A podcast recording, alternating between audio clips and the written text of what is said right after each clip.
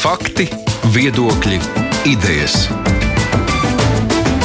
Raidījums Kruspunkta ar izpratni par būtisko. Studijā Mārija Ansone. Šodien kruspunktā runāsim par deinstitucionalizācijas procesu Latvijā, kā ar to sokas.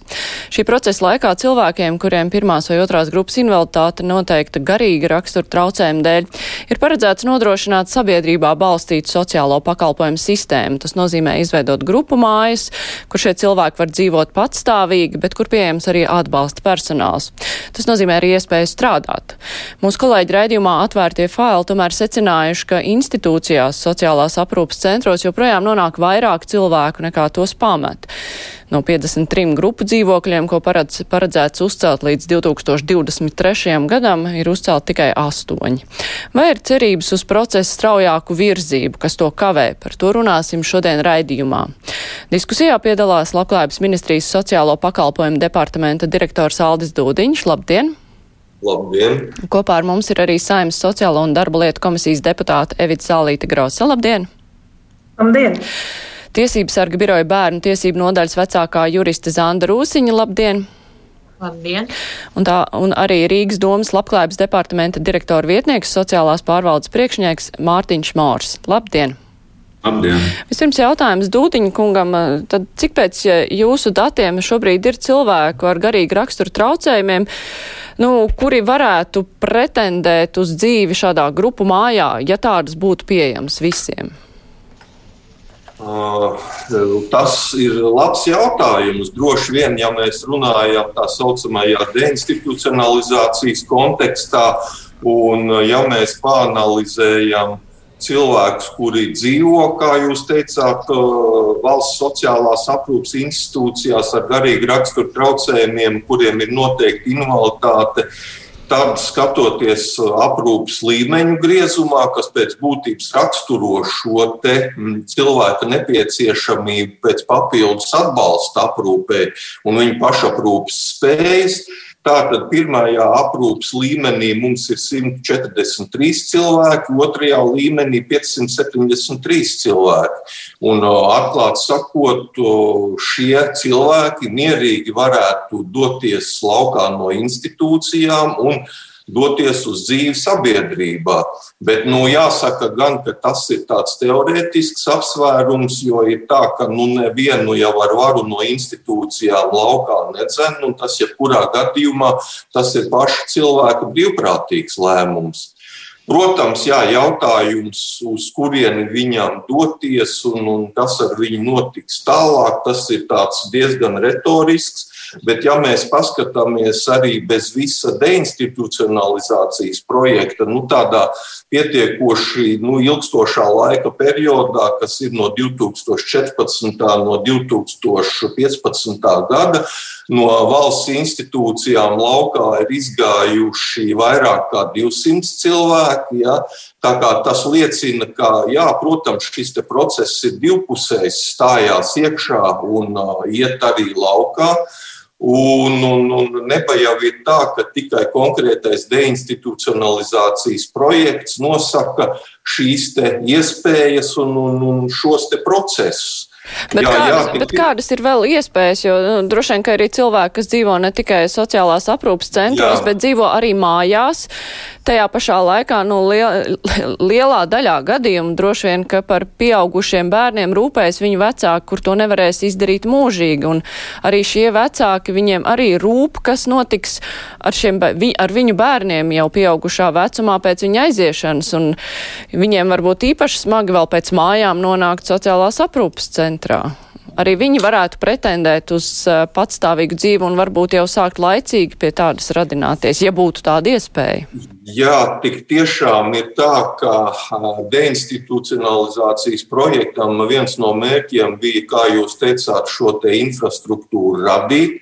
Un, diemžēl, ja mēs skatāmies no tā infrastruktūras skatu punkta, tur ir jāatzīst, ka kavēšanās ir, jo tur ir Nu, tas, tas paveiktais, tas ir aptuveni, ja mēs skatāmies uz cilvēkiem ar garīgu raksturu traucējumiem, tad no plānotā paveikts ir 21%. Es negribu runāt daudz un, un par šiem skaitļiem, vietām, simtos un tā tālāk, ja, bet tā tad ir viennozīmīgi, ka objektu būvniecības īstenošana ir procesā, bet nu, šobrīd mums nav nekādas tiesības pateikt, ka līdz 2003. gadam nekas netiks paveikts, kā ir plānots, un nekas nenotiks. Bet tad tiks pabeigta šīs 53 šīs grupu nu, dzīvokļu? Uz šo brīdi nekādas tādas vērā ņemamas indikācijas, ka tas nenotiks, mūsu rīcībā nav. Ir jā, ir bijusi kavēšanās, un tam ir droši vien subjektīvi un objektīvi iemesli. Tas droši vien ir katrs gadījums jāanalizē atsevišķi, bet skatoties uz kopīgo tendenci, ne uz šo brīdi nav pamats. Nu, ir vienkārši tikai pusotrs gads palicis un mājas uzcelt vai ierīkot aprīkot uh, grupu dzīvokļus, nu, nav viens dienas jautājums. Tur vai nu process ir sākts vai nav sākts. Nu, pamatā, pamatā tie procesi ir sākti. Ja tur ir runa ja par varbūt nezinu, atsevišķu nianšu korekciju un tā tālāk, bet nu, šobrīd tik tiešām nav, nav reāli pamata apgalvot, ka kaut kas netiks izdarīts vai izpildīts. Rosiņas kundze, jūs arī apsekojat gan sociālās aprūpas centrus, gan droši vien arī sekojat šiem procesiem. Nu, kas jūsuprāt ir tas, kas kavē deinstitucionalizācijas procesu, jo nu, šobrīd tā situācija ir tāda, kas prasa vēl ļoti daudz izdarīt. Uh, jā, kas kavē, tur noteikti vislabāk izstāstīs paši procesi, projekta īstenotāji, kas tieši ir šie šķēršļi, kas to kavē. Bet tas, ko mēs redzam, un jau nu, diezgan pietiekami ilgu laiku redzam, protams, ka šie procesi notiek ļoti, ļoti lēni. Un pamatu pamatā mēs nevaram runāt par pilnvērtīgu deinstitucionalizācijas šo projektu vai procesa īstenošanu un norisi, kamēr nav pieejami pietiekamā skaitā šie sabiedrībā balstītie pakalpojumi, jeb šie alternatīvie pakalpojumi institucionalizācijai. Ja? Un kamēr, kamēr tas tā nebūs, tikmēr arī kavēsies nenoliedzami. Bet alternatīvie pakalpojumi tas nozīmē tieši šādi grupu dzīvokļi vai ir vēl kaut kādas iespējas? Aprūpe mājās, grupu dzīvokļi, pusceļa mājas ir dažādi šie varianti, protams, ko visu kaut ko var vēl nodrošināt. Jā. Dienas centri arī, kur pavadīt saturīgu brīvo laiku. Tas ir ļoti plašs pakalpojumu, teiksim, pieejamība un speciālistu klāsts, kas ir jānodrošina. Un, nu, kādā pusceļā mēs esam šobrīd, nu, lai mēs varētu uzskatīt, nu, ka jā, ar šo sistēmu viss ir kārtībā. Kurā pusceļā mēs esam pirms vai pēc puses? Man grūti pateikt tādu konkrētu, protams, jūs pati pēc skaitļiem jau redzat, ja jāuzceļ 53, tad mums ir šobrīd tik, cik ir. Cilvēki rindā joprojām stāv pietiekami lielā skaitā uz uzņemšanu institūcijā. Un tāpat arī šīs institūcijās esošo klientu skaits nu arī nesamazinās tādā apjomā, kā tas būtu gaidīts. Nu, mums iet ļoti lēni patiesībā tas process, nu, tur ir sauksim lietas īstajos vārdos, process ir ļoti, ļoti lēns. Bet arī, protams, nu, vēl ir laiks, ja tā varētu teikt. Jā, vēl ir laiks. Jā, ir tikai 21. gads. Grausas kundze, kā jūs vērtētu, nu, kāpēc Kas kavē e, pabeigt šo deinstitucionalizācijas procesu? Um, nu, tas, tas ir naudas jautājums, lai uzceltu šīs, šīs te grupu dzīvokļus. Kur ir tā, kur ir problēma? Jā, nu, man, jā, man jāpiekrīt tiesības sarga pārstāvam Zandai, Rūsīnas kundzei, un ka no vienas puses tātad šajās pašvaldībās nav pakalpojumu, Bet eh, no otras puses, es domāju, ka tur ir milzīga, tas ir milzīgs iesaistīto skaits, kas vai nu sadarbojās savā starpā vai nesadarbojās. Ir jautājums, cik katra puse ir ieinteresēta sasniegt mērķi. Un, manuprāt, šī ieinteresētība nav tik liela. Gan skaidrojošais darbs sabiedrībai, darbs ar sabiedrību, gan arī lēnais darbs arī sociālās aprūpas centros. Piemēram, cilvēks nogurst gaidot savu rindu, viņš beig beigās atkāpjas no šīs idejas, ka viņš vispār grib iet savā dzīvē, jo viņš, nu, viņš vienkārši nu, nav tāds drošs iet savā dzīvē. Pēc maniem aprēķiniem, es, piemēram, ap, runājot ar sociālās aprūpas centriem, saprotu, ka šobrīd no tieši no pieaugušo sociālo aprūpas centriem, ir izgājuši dzīvē 130 viens pieaug, pieaudzis cilvēks, un tas ir pa sešiem gadiem. Šie cilvēki ir jāsagatavo, un gal galā viņiem vajag arī to mērķi, uz kuru doties. Nu, un pa tiem sešiem gadiem kaut kas notiek, un tas arī apstājās. Otra lieta Jā, nu, tas eh, droši vien ir jājautā pašvaldībām, bet, manuprāt, tur ir arī zināmā mērā jautājums par būvniecības izmaksām, kā viņas aug, un ka tās vienkārši šīs grupu mājas netop iespējams, tāpēc, ka būvniecības izmaksas ir ļoti augušas. Mums mazliet trūkst, eh, nu, šeit Mārkungs noteikti kaut ko teiks, bet arī lielo pilsētu viedokļi. Un, eh, jā, es domāju, ka tā ir sadarbības, sadarbības trūkums un iespējams pat arī ideju trūkums, jo mēs divreiz Saimnes komisijā esam uzklausījuši Labklājības ministriju. Viņi nāca ar, info, eh, ar informatīvo ziņojumu par progresu. Un eh, mēs, man liekas, netikām galām, galā līdz prezentācijai, līdz sabiedrībā balstītiem pakalpojumiem, cik tālu tas ir labi vai, vai gausi, jo mēs apstājāmies pie tāda punkta, kā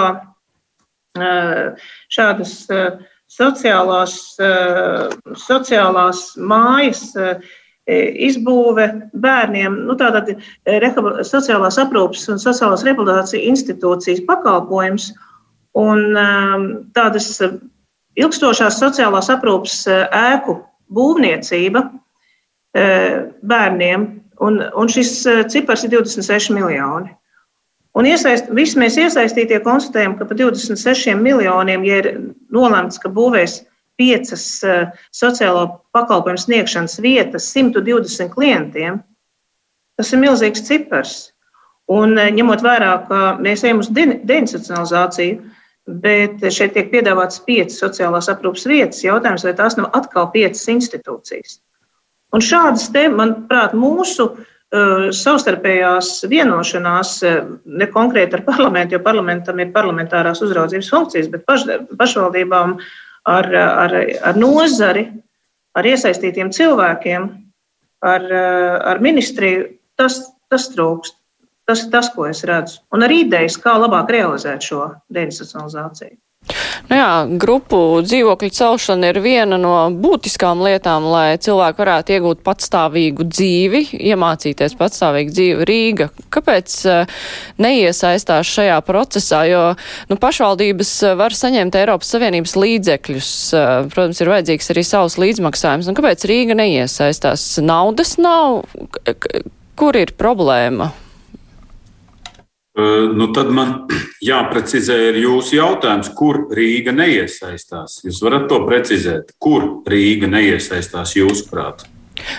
Varbūt pirms jūs uzdodat atkārtot jautājumu, es arī pats atbildēšu, jo Rīga nekad nav neiesaistījusies deinstitucionalizācijas procesā. Rīgā jau kopš pirmais dienas aprūpas centrs personām ar garīgu raksturu traucējumiem Rīgā tika izveidots 1993. gadā Un kopš tā laika, tas ir, saprotiet, tas ir uzreiz pēc neatkarības atgūšanas, kad, kad mēs sākām ieviest tos rietumu Eiropas arī izpratni par to, kā sociālajie pakalpojumi vispār ir jāattīst. Un šobrīd katru gadu Rīga liek klāt jaunas dienas aprūpas centru vietas, grupu, grupu dzīvokļu vietas, Mēs attīstām pilnīgi inovatīvu pieeju. Tās ir individuālās sociālās rehabilitācijas programmas īstenošana. Pirmā tāda tika izveidota pirms deinstitucionalizācijas projekta. Ar to es gribu teikt, ka ir jānošķir deinstitucionalizācijas projekts, par ko jūs pieteikumā pateicāt, un tas ir tas nacionāla mēroga projekts. Un ir, jā, un ir jānošķir deinstitucionalizācijas process. Deinstitucionalizācijas process Rīgā nekad nav apstājies. Mēs esam Šobrīd, piemēram, grupu dzīvokļus Rīgā saņem gandrīz 140 cilvēki katru gadu. Apmēram desmit cilvēki Rīgā katru gadu atgriežas no uzsākt dzīvi pēc institūcijas, un apmēram plus mīnus starp 6 un 10 uzsāk patstāvīgu dzīvi no grupu dzīvokļa. Mums šis process ir nemitīgs. Mēs kā tikko ir mazākā iespēja, tā veidojam jaunas grupu dzīvokļus. Atcerieties, varbūt bija lauderu bērnu jautājums, nevis lauderu, bet es atvainojos, tas bērnu nams, kur, kur, kuru likvidēja pavisam nesen. Šķiet, stikli. Stikli, jā visus šos apmēram 11 jauniešus, kuri bija pilngadīgi, kas tur mācījās Rīgā, izmitināja pie sevis eh, grupu dzīvokļos un eh, nodrošināja individuālu asistēšanu, nodrošināja adaptāciju Rīgā un apmēram gandrīz 50% no grupu dzīvokļos dzīvojošiem strādā, mācās vai apmeklē dienas aprūpas centru. Ar to es gribu teikt, ka Rīgā ir viennozīmīgs atbalsts deinstitucionalizācijas procesam. Rīgā samazinās bērnu skaits institūcijā. Mēs esam izveidojuši ļoti daudz un dažādus inovatīvus risinājumus. Tieši tāpēc, lai deinstitucionalizācijas mērķus sasniegt. Bet, ja mēs runājam par šo pro, projektu, eh, nu, varbūt nav vērts vairāk atkāpties. Jūs atceraties, mēs runājam par 15. gadu, 2015. gada beigās. Rīga jau nebija tā, kas neiesaistījās. Mūsu neuzņēma šajā projektā ar tiem nosacījumiem, ko Rīga izteica. Tas arī, starp citu, neizskan. Rīga ir noslēgusi 2015. gada 2. novembrī. Rīga Eh, noslēdza nodomu protokolu ar Rīgas plānošanas reģionu. Es vienkārši gribu paskaidrot gan jūsu klātesošajiem speciālistiem, gan arī klausītājiem, ka šis ir viens no sarežģītākajiem projektiem vispār manas profesionālās prakses laikā. Viņa projekta pieteicējs, iesniedzējs ir plānošanas reģions, kuram ir jāvienojas ar visām pašvaldībām. Rīga piekrita tieši tam, ko jūs arī uh, cienījamie žurnālisti, pieteicāt, ka deinstitucionalizācija ir pakalpojumu attīstība pašvaldībās. Tas bija Rīgas nodoma protokola sastāvdaļa, ka mēs nevaram, jo projekts tās ir saistības. Tas ir jāsaprot. Pašvaldībai dalība projektā ir noteiktas saistības, tā skaitā finansiālas saistības, bet sākotnēji projekta nosacījumi, kad bija jāslēdz nodoma protokols, neparedzēja, personu skaitu sadalījums starp pašvaldībām. Nu, kā jūs saprotat, cik cilvēks varēja katrs izvēlēties, uz kuru pašvaldību viņš vēlas doties? Pie šādiem nosacījumiem Rīga nevarēja pateikt, jā, mēs uzņemsim jebkuru skaitu, pie tam nezinot, kāds būs līdzfinansējums. Tajā laikā tika indikatīvi pateikts, ka varbūt sekos līdzi katram klientam no pansionāta, ja es pareizi atceros, 14,000 eiro. Ko var par 14,000 eiro izdarīt vai gan tad, gan tagad? Viena no lielākajām projekta kļūdām bija tieši tā, ko mēs norādījām. Tā izskaitā tā laika mm, departamenta direktorei Danutei Jasko, tā izskaitā tā laika valsts sekretārei Ievai Jaunzemē, kura teica, ka šis ir vislabākais projekts, kāds vispār kādreiz ir radīts. Bet vienlaikus es par to, ka šāds projekts ir, eh, tiek veidots Rīgā, mēs uzzinājām no saviem sadarbības partneriem.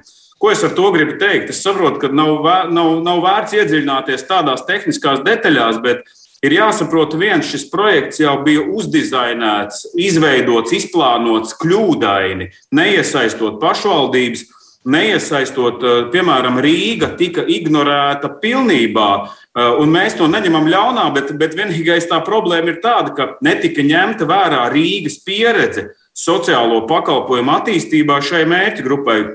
Jo Rīgā mēs darām pilnīgi savādāk. Projekts paredzēja to, ka no sākuma ir informatīva kampaņa, sabiedrībai tiek skaidrots, kas ir personas ar garīgu raksturu traucējumiem, pēc tam notiek klientu izvērtēšana, tad darbinieku apmācība, un tikai pēc tam kaut kad tiek investēts reālā infrastruktūrā un pakalpojumu vietas radīšanā. Rīgā mēs darām pavisam savādāk. Mums, protams, ir, mēs Labklājības departamentā regulāri veicam mērķu grupu vajadzības analīzi, un mēs tā orient, ne, neiesaistot klientus tikai no publisko datu reģistriem, no dažādām datubāzēm. Mēs apmēram zinām, cik klienti var pretendēt uz dienas aprūpas centru un, un pārējiem pakalpojumiem, grupu dzīvokli, un tam mēs zinām nosacīto rindu. Un tikko kā ir iespēja uzbūvēt, mēs sākam būvēt, piesaistot pakalpojumu sniedzēju. Un tā ir, kas ir pakalpojums sniedzējs. Parasti tas ir nevalstiskā organizācija, kurai ir specifiskas zināšanas par doto mērķu grupu. Projekts pilnīgi ignorēja tādu lietu, ka šīm personām faktiski ir divas galvenās vajadzības. Tās ir veselības aprūpe un nodarbinātība. Un sociālie pakalpojumi ir tie, kas palīdz izmantot tās pašas iespējas, kas ir uh, citiem iedzīvotājiem, palīdz ar asistentu, Aprūp mājās, jāsaka, godīgi, manuprāt, ir pilnīgi nepamatoti pārvērtēts šī projekta ietvaros, jo runa jau ir par cilvēkiem, kas var savu pašaprūpi veikt, tikai viņiem ir garīgi rakstura traucējumi, kas neļauj orientēties vidē, orientēties laikā, telpā, varbūt saprast um, dažādu veidu darbības un, un viņu nozīmi. Nu, lūk, un, pamatojoties uz tieši šo kļūdaino dizainu, ko mēs katru reizi, kad tikāmies, dažādas stadijās mēs teicām, cienījamie labklājības ministrijas kolēģi, nu, groziet to nepareizo kārtību, jo citādi būs uh, fiasko būs projektam. Un, zināmā mērā tas, par ko mēs šeit runājam, nu, nu, ir, ir, ir varbūt nepareizi prognozēt pagātni, ja, bet ir jāsaka tas, ka, diemžēl, Rīga to paredzēja. Bet, ja mēs atgriežamies pie tā, kas Rīgā notiek, pirmā individuālā programma notika tieši 2015. gadā. Šobrīd viņas ir 18. Vidēji šāda individuāla programma personai ar garīgu raksturu traucējumu izmaksā ap 1000 eiro. Um, es gribu teikt to, ka ļoti tas ir bieži vien naudas jautājums. Saprotiet, tas ir naudas jautājums, jo mēs to standartu liekam tādu kā uh, Eiropā, bet finansējums mums seko līdzi Jā, diemžēl mums eh, šķiet, spriežot pēc tā, ka es neredzu kustību nevienā, nevienam no sarunas dalībniekiem. Laikam mums vajag pārstartēt, eh, es došu ziņu kolēģiem, ka laikam vajag pārlādēt. Vai tagad, ā, mēs esam atkal ēterā. Mārkungs, vienu precizējumu, vai pēc jūsu aprēķiniem neiesaistoties šajā projektā, jūs minējāt vairākas lietas, kāpēc Rīga izvēlējās tur neiesaistīties, bet tas, ko jūs izdarījāt, tad jūs izdarījāt vairāk nekā, ja būtu iesaistījušies. Jūs minējāt, ka tas Rīgai bija neizdevīgi, ka jūs bijāt neizdevīgā situācijā. Tas faktiski paveiktais tad ir vairāk nekā jūs varētu izdarīt piedaloties tur. Redziet, Pirmkārt, tas projekts ir neizdevīgs pašiem klientiem. Jo klients tiek zināmā mērā apmānīts. Viņam tiek pateikts, tev aizies uz pašvaldību, tev viss būs, bet faktiski projekts atļauj par tiem izdevumiem, kas tika indikatīvi iezīmēti, atļauj viņam labākajā gadījumā uzcelt vai izremontēt vai nu dzīves vietu, vai dienas aprūpes centru. Abus divus nekādā gadījumā, bet visbiežāk arī pat to pašu vienu. Jo toreiz, nu, paskatāmies kaut vai vienkārši dzīvokļa izmaksas. Viņš šobrīd maksā pusotras tūkstošus eiro 20. gadā, bet apmēram 1000-1100 eiro. Un tas ir indikatīvs rādītājs, ka tomēr jau celtniecība jau izmaksā neatkarīgi no tā, Tā problēma ir tā, ka Rīga nemaz nevarētu uz, arī iesaistoties. Mēs uz tiem nosacījumiem, kas bija projektā, mēs nevarētu izveidot šīs vietas. Vai arī būtu jāfinansē, mēs pareiķinām apmēram 85% līdzfinansējums. Nu, tad jau labāk mēs finansējam pilnīgi visu, kas arī ir noticis līdz šim, bet vienlaicīgi mēs izdarām arī klientu atlasi, klientu informēšanu pareizi, nemaldinot par to, kas notiks. Dūdiņkungs, vai jūs piekrītat izteiktajai kritikai, ka šis projekts uh, principā tika nepareizi veidots? Nu, man grūti komentēt 2015. gadu un 2014. gadu klāt. Tad īsti tā kā nebija. Un, un, un tā kā droši vien kolēģis, kolēģis jau to zina daudz labāk. Bet nu, jautājums, jā, tur, tur var piekrist, ka attiecībā par deinstitucionalizācijas projektu šeit būtu jānošķir divas lietas. Šis pats process un, un, un konkrētais projekts.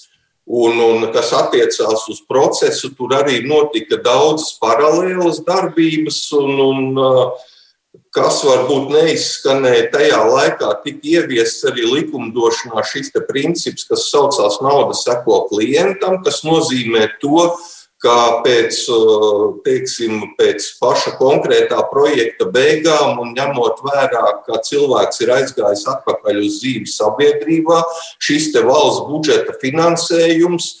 Un, un, un pie tam jāsaka, šis finansējums ir adresēts pašvaldības virzienā, turpinās īstenībā līdz klienta mūža beigām pie nosacījuma, uh, kā tiek sniegts šis sabiedrībā balstītais pakalpojums. Jā, var piekrist, ka tas finansējums noteikti nav tas lielākais, ja tie ir konkrēti 560 eiro mēnesī, bet, nu, ja teiksim, būs lielākas finanšu iespējas, droši vien to būs iespējams pārskatīt un tā tālāk.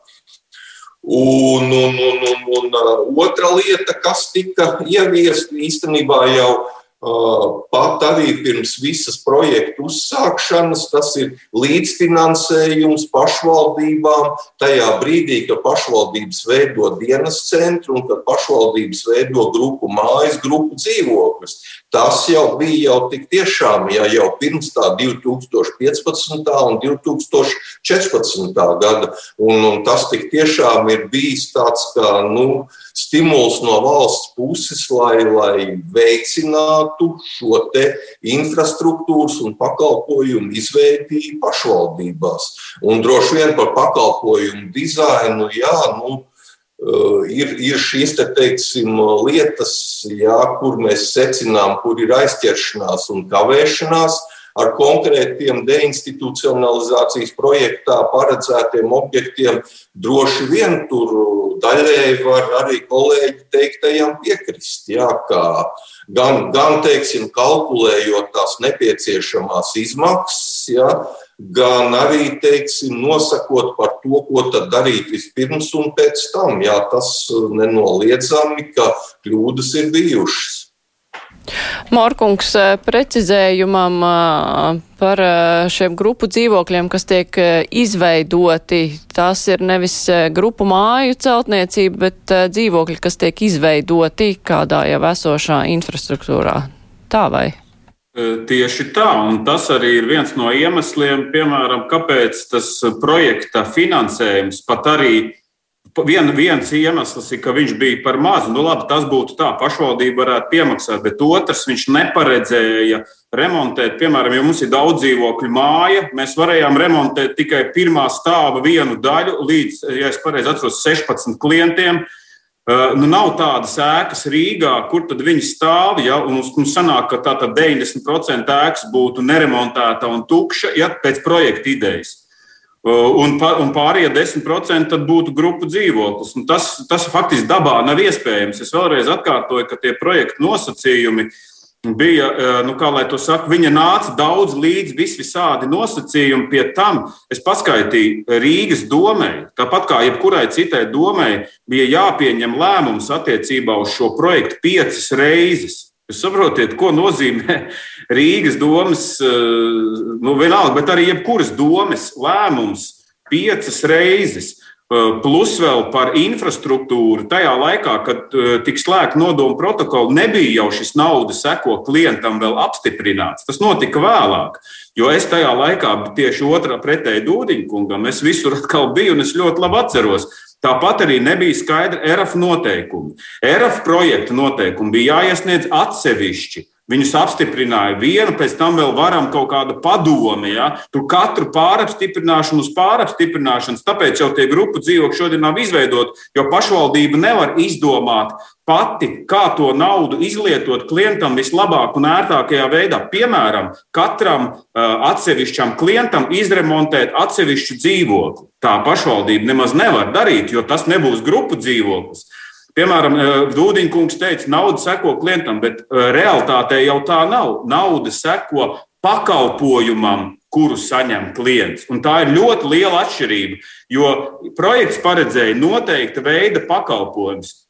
Apu, tā kā mēs jau saucām, visu aprūpu mājās, grupu dzīvokļus, bet ja klientam nedara viens konkrēts pakalpojums, kāpēc mēs Rīgā sākām šīs individuālās sociālās rehabilitācijas programmas? Tāpēc, ka bija cilvēki, kas nevar dzīvot kopā ar citiem, viņam ir kontraindikācijas. Viņam vienīgais variants ir piesaistīt asistentus kaut kādās citās dzīves vietās, kas tiek speciāli viņam izveidotas. Ja? Tādu variantu nemaz projekts neparedzēja. Un ļoti daudz citu nosacījumu, nemaz nerunājot 15.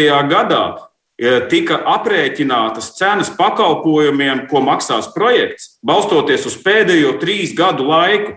Tas ir 14, 13, 12. Mēs jau esam 21. gadā. Šobrīd mēs e, projekts operē ar 10, 9, 10 gadus vecām cenām. Mums ir 5% gadā inflācija. Ja? Nu, saprotiet, tas dizains jau, kas projektā bija iekšā, viņš faktiski neveicina, ka tas ir e, izdevīgi. Jo, manuprāt, pilnīgi mierīgi šiem 700 cilvēkiem, kurus bija plānots atgriezt pašvaldībā, katram varēja uztaisīt šādu individuālu individuālu plānu, individuālu programmu, aprēķināt precīzi, cik šīs izmaksas ir, iekļaujot tai skaitā arī maksas veselības aprūpi un nodarbinātības atbalstu, ja vajag. Un mums būtu reāls rezultāts. Bet tagad mums ir pētījums, kas gadu tika veikts, tagad mums ir pusgadu vai vairāk veikts klientu vajadzību izvērtējums bet tikai pašu pakalpojumu, diemžēl, nav. Nu, tāda, tas ir, tā ir dizaina kļūda, tīra. Jā, es atgādināšu klausītājiem, ka šodien kopā ar mums ir Alds Dūdiņš, Labklājības ministrijas sociālo pakalpojumu departamenta direktors, Evita Zālīta Grosa, Saimnes sociālo un darblietu komisijas deputāte, Zandra Rūsiņa no Tiesības sarga biroja un Mārtiņš Mors, Rīgas domas Labklājības departamenta direktora vietnieks. Raidījums Krustpunktā. Groskundze, nu, jūs dzirdējāt šo diskusiju starp uh, Morkungu un Dūdiņkungu Rīgas uh, par šķēršļiem, ar kuriem saskārās Rīga, arī vērtējot, ka viss šis uh, projekts tika nepareizi kā tik minēts, dizainēts. Nu, kādu jūs redzat izēju no šī? Jūs arī pirms tam minējāt, ka ir ļoti daudz iesaistīto, kas savā starpā nevar īsti sadarboties. Tad ar ko sākt? Tagad jau grūti pateikt, šis notikums patiešām ir ar bārdu. Un šis projekts. Nezinu, piemēram, Sēmas sociālo un darblietu komisijā Labklājības ministrija prezentēja arī deinstitucionalizācijas turpinājumu 21. un 27. plānošanas periodam, un tuvākie pasākumi bija tādi kā arī ar milzīgiem cipariem patiesībā saistīti sabiedrības sociālo, sabiedrībā balstīt sociālo pakalpojumu pieejamības palielināšana. Ja? Un tur, un tur šādām, šādām, šādiem pakalpojumiem ir paredzēts 76 miljoni, piemēram, cilvēkiem pensijas vecumā, īpaši cilvēkiem ar demenci un ģimenes locekļiem, neformālie aprūpētāji, eh, cilvēkiem ar ļoti smagiem multipliem funkcionāliem traucējumiem, garīgi raksturu traucējumiem. Un eh, tad ir atbalsts jaunām pieejam sabiedrībā balstības sociālo pakalpojumu, eh, dažādi jauni inovatīvi, ar inovatīvas metodas pieminētas. Eh, jautājums, cik viņas būs kvalitatīvas, vai nav kvalitatīvas tikai uz, vai tas nav tikai uz papīra. Te arī ir 76 miljoni, 21 miljonus, 5 miljoni pilngadīgas personas, kur izārstēšana vairs nav iespējama, viņa ģimenes locekļi neformēto, eh, neformāli aprūpētāji, paliatīvā aprūpē. Ja? Tad ir nemotivēti cilvēki garīgi raksturu traucējumiem ar un bez invaliditātes. Šādam projektam, lai atbalstu nodrošinātu šiem cilvēkiem, ir paredzēti 4 miljoni. Tas ir, tie cipari milzīgi, bet jautājums, vai tas ir tas, vai tas mērķis to sasniegs, un vai visi šie mērķi ir nu, tādi izdomāti precīzi, vai, vai, vai tas ir tas, kas ir jādara. Varbūt ir liederīgāk, liederīgāks veids šo naudu, jo mēs ļoti bieži dzirdam šādu tendenci un arī tādu teikumu, ka naudu apgūst. Ir milzīga nauda, bet, lai milzīgu naudu apgūtu, vajag ļoti daudz ideju. Un, un tādu labu ideju. Un, un lielai komandai jāstrādā kopā, un tikai tad tas mērķis tiek sasniegts. Manuprāt, šobrīd ir ideja ir viens no tiem iztrūkstošiem posmiem. Ir milzīga nauda, kas, protams, ir kur ir atskaits, kur ir uh, arī uzstādījumi no Eiropas puses. Neapšaubām, ka tie ir viena no svarīgākajiem. Eiropa pasaka, kam tā nauda ir paredzēta. Bet tomēr kā sasniegt mērķi, ideju, man liekas, ka nav. Un arī nu, sadarbības nav. Tādēļ, uh, tādēļ, manuprāt, uh, vienkārši vajag līdz kaulam uzdot sev, jau, sev jautājumu, katram, kas iesaistās šajā, vai mēs gribam sasniegt šo mērķi, lai cilvēki aiziet no institūcijām nonāk sabiedrībā, lai viņiem būtu šis pakalpojums, vai mēs kā sabiedrība esam gatavi pieņemt šos cilvēkus. Tas arī viens ļoti nopietns jautājums, ko mēs zinām par ogles gadījumu, vai ne? Un, un, un tie, tie jautājumi, tas ir, ir liela nauda, grūts uzdevums, jo, jo ļoti šauri nosacījumi, maz ideju iespējams un slikta sadarbība. Tā es noraksturotu. Nu jā, ogres gadījumā tur jau viss ir labi noslēdzies. Tur būs gan, Dievam, gan māja, jā. gan arī, cik var saprast, arī cilvēki ir pieņēmuši. Liederīgāks veids, kā šo naudu izmantot Rūsiņas kundze, jums ir idejas?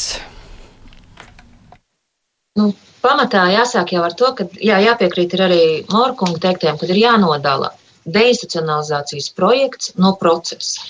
Tātad, ja projekts beigsies, nauda it kā kaut kāda Eiropas arī beigsies, bet valsts pienākums nodrošināt uh, tiesības ikvienam dzīvot sabiedrībā paliks un saglabāsies. Par naudas apgūšanu tiesības sargs mēs uh, varbūt tik daudz to nepētam un neanalizējam, kā pareizāk būtu apgūt naudu, bet mēs saprotam to, ka mums valsts ir uzņēmusies šīs starptautiskās saistības. Mēs esam pievienojušies virknē starptautisko dokumentu, mums būs jānodrošina un ir jānodrošina, jau sen bija jānodrošina ikviena tiesības dzīvot sabiedrībā un visu šo sabiedrībā balstītos pakalpojumus. Un, uh, nu, tā būs valsts izšķiršanās, kādā veidā šo arī darīt un īstenot. Un kur ir vieta privātām iniciatīvām? Jo cilvēki, kuri necer uz uh, to, ka valsts norganizēs viņu uh, bērniem nākotnē dzīvošanu un grupu mājā, nu ir ķerušies paši pie uh, Rīgā ir biedrība, kas, kur cilvēki ar īpašām vajadzībām taisa sveces, lai sapelnītu naudu grupas mājas celšanai. Vai šādām iniciatīvām vieta ir, vai tur vajag pavērt plašāku ceļu, nu, ja valstī ķerās tas process? Grosas kundze. Es domāju, ka ir jābūt kādiem instrumentiem, kā šo uzlabot, jo šobrīd tādu instrumentu konkrēti sveču, sveču mājas gadījumā ir pilnīgi skaidrs, ka svecēm šo māju uzbūvēt nevar ka tur jābūt sadarbībai pašvaldību un iespējams arī valstī ir jāatrod kaut kāds. Eh, bet es, piemēram, skatos šos decentralizācijas mērķus nākotnē no Labklājības ministrijas. Tur ir ļoti daudz eh, stāstu par sabiedrībā balstītiem pakalpojumiem. Es, eh, nu šeit konkrēti es saprotu, ka runa par māju, par būvniecību, kā valsts var nodrošināt daļu šajā. Tādu instrumentu šobrīd nav, bet es neticu, ka viņi nevar izgudrot vai ka viņu nevar uh, izdomāt. Nu, es patiešām domāju, ja, ir, ja, ja cilvēki kaut ko ļoti, ļoti vēlas, tad to var izdarīt. Bet nu, tam ir vajadzīgs, nav, tam ir vajadzīgs likumīgs. Tas nav precīzi mm -hmm. ideja, jo es neesmu politikas virzītājs, bet, bet es uh, patiešām domāju, ka tādu mērķu var. Un ziniet, kas ir interesanti? Pat vai šis salīdzinājums, kad es runāju ar Sveču mājas radošo komandu, un es patiešām viņus no sirds atbalstu tad eh, šai vienai mājai eh, uz 20, es neatceros, cik tur cilvēkiem, eh, šie, viņi ir izskaidrojuši, ka viņiem vajag miljonu. Tātad, lai radītu šo māju un dienas centru. Bet Labklājības ministrijas sociālā saprūpas centra samazināšanas projektā uz 150 jauniešiem, bērniem tiks būvētas piecas mājas par 26 miljoniem. Un tā ir būtiska starpība. Varbūt mēs tos 26 miljonus jau, jau redzot šo sveču mājas, varbūt vajag parunāt ar šo sveču māju komandu, kā viņi dabūja to miljonu. Tad parēķināt, cik mēs tādas eh, tipa veida, varbūt eh, mājiņas vai dzīvokļus varam, lai tie bērni dzīvotu pa trīs, pa pieci. Un, eh, un, manuprāt, tas jau, jau salīdzinoši ir eh, ļoti interesanti. Tādēļ eh, es domāju, ka ir jākomunicē savā starpā. Un par valsts daļu šajos projektos jā, nu, ir jāmeklē instrumenti, kā to var izdarīt. Es ticu, ka var. Dūdiņkungs, kā jūs skaidrot atšķirības izmaksās, kur vieni plāno miljonu un citi plāno daudz reiz vairāk? Nu, redziet, neesmu būvnieks. Ja, katrā ziņā katrai šai izmaksai ir apakšā tā saucamā tāme, un tā tad droši vien ir attiecīgi jāvērtē. Bet uh, to, ko Zālīts Gross kundze teica par tiem 26 miljoniem, Jā, tur būs standartizēts projekts, un tur jau tik tiešām jau būvniecības speciālisti ir iesaistīti, un droši vien arī ar tālākajošajiem, tālākajošākiem mērķiem, jau lai tik tiešām šīs te būtu arī tādā ilgtermiņa skatījumā pakalpojumu sniegšanas vietas arī tālākā nākotnē. Kas attiecās uz to, izskanējušo, ka nav idejas, ka nav izpratnes par problemātiku un tā tālāk. Jāsaka tā, ka plānojot tā saucamo nākamo struktūru fondu periodu, tas jau nenotika nekādā kabineta klusumā. Tas bija kontekstā ar Nacionālās attīstības plāna izstrādi, kur bija ekspertu darba grupas, kuras tad arī savā starpā vienojās kādi tad akcenti un kādas prioritātes tajā, tajos nākamajos fondos tad būs. Un kas attiecās uz šīm te iezīmētajām summām, kas izskanēja, tur tie miljoni, jā, jā, jāsaka, ka šeit ir runa par pakalpojumu naudu, nevis par būvniecības. Un atklāt sakot, kā un, un kā pareizāk to visu izmantot, mēs arī, teiksim, ar kolēģiem, tā skaitā arī ar Mora kungu. Jā, būtībā gandrīz nepārtraukti esam diskusijās gan ar Lielo pilsētu asociāciju, gan pašvaldības savienību, gan sociālo darbinieku biedrību. Tā kā es domāju par šo mērķu leģitimitāti un labajiem nodomiem, šaubu nevajadzētu būt. Un atklāti sakot, tā, tas dizains, ja šo pareizāk sakot, tas ieviešanas mehānisms ir paredzēts kā o, projektu konkurss, un tad jau ir viss atkarīgs teiksim, no izstrādātā projekta kvalitātes un droši vien arī ilgspējas. Un, un ko jūs teicāt par privāto? Jā, ir tik tiešām šis paredzēts struktūra fondos nākamajos 21 miljonus eiro inovatīvajām idejām, kur tajā skaitā, ja mēs nevalstiskās organizācijas uzskatām par privātiem, nu tad šajā gadījumā tā būs tā lieta, kur arī nevalsts ietekme un iespēja, kur nevalstiskās organizācijas ar savām inovatīvajām idejām varēs nākt. Un, un, tā teikt, ja, ja viss, teiksim, tiem izstrādātajiem konkursu nosacījumiem atbildīs, es uzsveru, ka tas būs konkursu kārtībā, nevis kāds vienkārši tāpat to naudu izdalīs, nu tad tās visas lietas notiks. Bet tik tiešām vēlreiz saku, ka runa ir par sociālo fondu, respektīvi par pakalpojumu naudu. Tā nav nauda būvniecībai.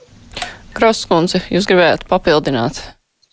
Jā, man tomēr nepārliecina tas, ka 26 miljoni un 5 sēkas, un tas ir tas mērķis, deinstitucionalizācijas mērķis. Es tomēr e, domāju, ka mēs no, no parlamenta puses tomēr turpināsim par šo jautājumu runāt un diskutēt, jo Kaut kā mani nepārliecina, tomēr, jo 150, 150 eh, bērniem tas ir domāts. Pirmkārt, mums ir jācīnās, lai to bērnu tajās institūcijās paliek mazāk. Un, un tad ir jautājums, jo teiksim, šie bērni eh, dzīvo nu, samērā, nu, es nezinu, 30 vienā, vienā ēkā, 30. Vai, to saukt, vai var to saukt par deinstitucionalizāciju? Es, tomēr, es, mēr, es to tomēr nesauktu.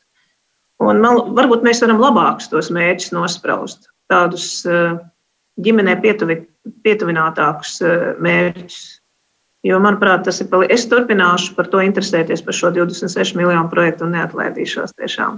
Jo man arī iedvesmo šis sveču mājas stāsts. Mēs varam daudz, ja mēs kā, ar naudu rīkojamies kā ar savu personīgo, kā ar ģimenes budžetu. Un tad man liekas, ka visas tās lietas mazliet savādāk darāmas.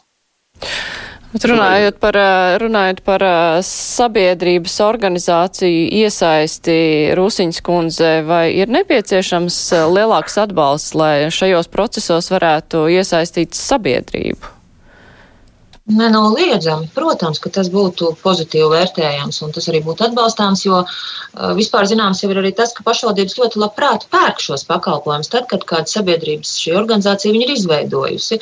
Bet šī pakalpojuma izveidošanai arī ir nepieciešams pietiekams finansējums un pietiekami iespējams varbūt sākotnējs starta kapitāls, kur, ja būtu iespējams kaut kā saņemt atbalstu no valsts vai pašvaldības, tad arī šī pakalpojuma iespējams, ka veidotos daudz raitāk, ātrāk un pārdomātāk. Protams.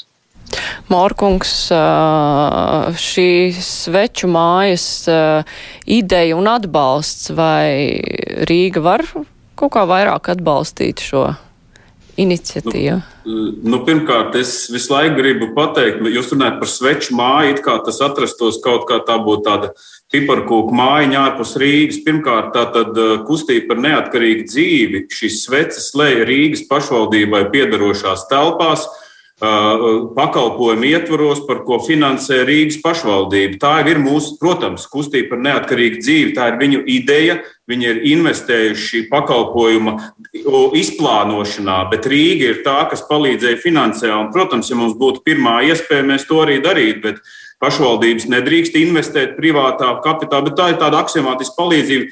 Un, ja mēs šeit runājam par inovatīvām pieejām, kā tad vajadzētu, lai būtu reāls risinājums, tas es varu pāriet uz to, ka jā, mums kopīgi būtu jādomā, kā, kā realizēt um, principu naudu seko klientam. Tam ir Uh, tam ir vajadzīgs, lai klienta vajadzības ir pirmajā vietā. Ko tas nozīmē? Tas nozīmē, ka mums ir klients, kuram ir noteikts vajadzības, ko mēs pārvēršam finansējumā un, un esam elastīgi, lai to nodrošinātu. Jo šobrīd mēs, un, lai to izdarītu, mums ir jāpārstāj baidīties no audita, auditiem un revīzijām, jo tas ir tāds bubulis, ko neviens vairs negrib. Visi, kā ko man audits teiks? Mums šobrīd, starp citu, es gribu vienkārši varbūt raidījumu arī pie beigām iet pateikt, ka nav jau viss tik slikti. Un mēs runājam par deinstitucionalizācijas projektu, kas ir 7, 6 gadus veca ideja. Šobrīd daudz kas ir mainījies, un arī Rīga tūlīt kopā ar Labklājības ministriju un SAC Rīga īstenos pilnīgi inovatīvu, jaunu, uz klientu orientētu pieeju, kad divi bērni no SAC Rīga kapseļielas pārcelsies dzīvot speciāli pielāgotā dzīvoklī, pašvaldībai piedarošā dzīvoklī, un mēs mēģināsim kopīgi izveidot to, kas ir līdzīgs sabiedrībā balstīta ideja ar domu, ka nākotnē, ja šie bērni nenonāks līdz tam ģimenē, tad viņi varēs turpināt arī kā pilngadīgi uzturēties dzīvoklī un dzīvot, teiksim, sev pierastā vidē.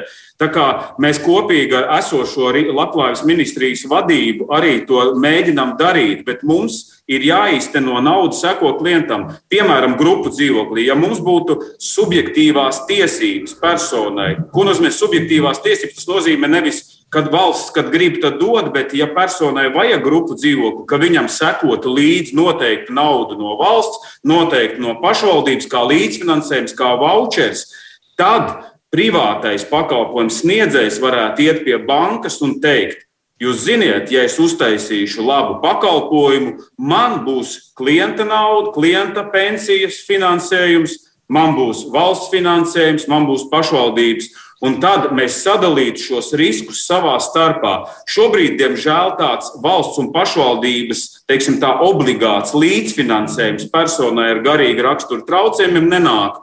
Un tas arī ir lielākais šķērslis. Tātad šie divi, divi lielumi nauda seko klientam un uz klientu individuālām vajadzībām eh, veidots pakalpojums, risinājums. Tas nozīmē nevis grupu dzīvoklī, nevis institūcijā, bet, ja vajag, tad parastā dzīvoklī, ja vajag privāti mājā, piemēram, mēs parēķinājām kapseļu ielā esošos, neatceros, 27 vai cik bērnus, lai viņus izmitinātu ģimenei pietuvinātā vietā piemēram, uz, uz, mēs varētu nezinu, noīrēt eh, sešas eh, vienkārši privātu mājas.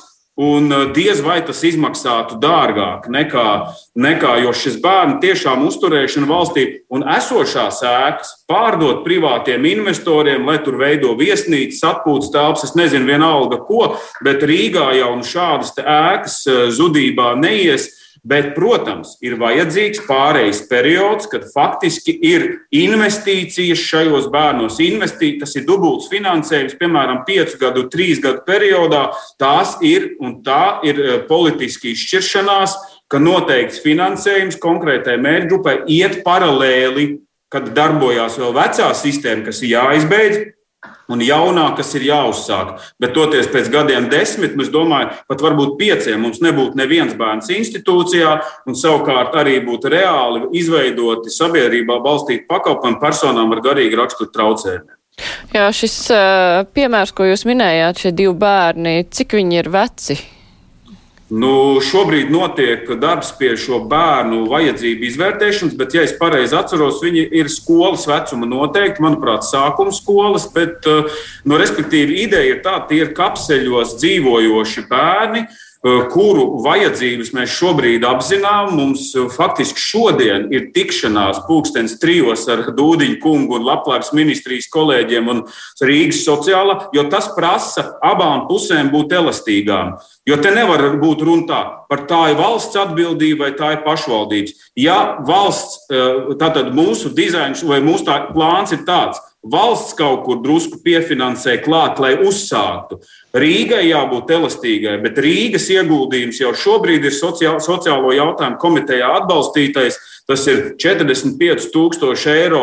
Nu, vēl budžeta grozījumi ir jāpieņem, bet finansējums, lai Rīgas pilsētu būvnieks kas ir nama apsaimniekotājs, var pielāgot saskaņā ar šo divu bērnu vajadzībām, uh, trīsistabu dzīvokli, pārveidojot par četristabu dzīvokli un tā tālāk. Un tā. Tur ir jā, arī uh, mērķu kods jāmaina un citas darbības. Tas nav tik vienkārši. Ja, bet, bet mēs paredzam, ka ātrākais ap septembri, vēlākais drusku ap rudeni, šāds jauns modelis, ko mēs gribam nopilotēt, kā tas strādā, Tur katrai pusē ir jāiegūda, lai tas būtu. Un es domāju, mēs runāsim par pilnīgi cita veida risinājumiem, ja tas mums izdosies. Ja, un arī uh, ir vajadzīgs ko parādīt politiķiem, sabiedrībai, ka noteikta veida novitāte strādā. Jā, nu tas ir piemērs arī elastīgākai pieejai, bet, nu, protams, ka tas ir uh, risinājums, jā, ko varbūt uh, To mēs redzēsim pēc sarunām ar labklājības ministriju, vai to varēs tā visaptverošāk piemērot, ne tikai šajos divos gadījumos, bet, protams, ir arī citi cilvēki, kuriem ir nepieciešami šie te sabiedrībai balstītie sociālie pakalpojumi, kur vēl citādi ir jāveido. Uh, Noslēdzot šo sarunu, bija plāns, ka pēc uh, projekta beigām 23. gadā, nu, ka tad uh, nedaudz vairāk kā puse cilvēku saņems uh, šos te sabiedrībā balstītos sociālos pakalpojumus, bet deinstitucionalizācijas process jau ar to nebūs beidzies, Dūdiņkungs. Kāds ir tas mērķis, kas ir jāsasniedz gal galā? Droši vien, ka visi cilvēki ārpus institūcijām nenonāks, bet nu, cik cilvēkiem būtu jānonāk? Nu, šeit, ir, šeit ir tā, ka pieturēties pie tādiem ļoti precīziem skaitļiem būtu riskanti. Mēs šeit varētu runāt par tendencēm, un mūsu tas mērķis un ļoti tāda izteikta vēlme ir, lai vispār, ja mēs runājam par sociālo pakalpojumu jomu kā tādu, tas īpatsvars starp pakalpojumu institūcijās un sabiedrībā balstīt pakalpojumu, tas svaru kaus ļoti būtiski nosvērtos tos sabiedrībā balstīto pakalpojumu pusē. Un atklāti sakot, tas reālais taustāmais rezultāts būtu tāds, ka šī te, teiksim, vēlme, jeb nepieciešamība iestāties tajā ilgstošās aprūpas institūcijā praktiski nu, viņa būtu maz izteikta, vai mēs vispār var, nevarētu runāt par to, ka ir rinda uz šīm te, teiksim, tām, tām lielajām un sliktajām, nosacīt sliktajām institūcijām. Tā kā es gribētu runāt par tendenci, Un sociālo pakalpojumu jomā nu, tā ir īstenībā axioma. Ja, tur pat mm -hmm. citi varianti nevar būt. Jā, nu raudzīsim, tad, kā ar to veiksies. Es saku paldies Aldim Dūdiņam, Evitai Zālītai Grosai, Zandai Rūsiņai un Mārtiņam Moram, ka varējāt piedalīties mūsu diskusijā. Raidījums ar to arī izskan. Producenti ir Evi Junāma, savukārt studijā bija es Mārija Jansona. Visu labu un mēs tiksimies jau rīt. Vislabāk!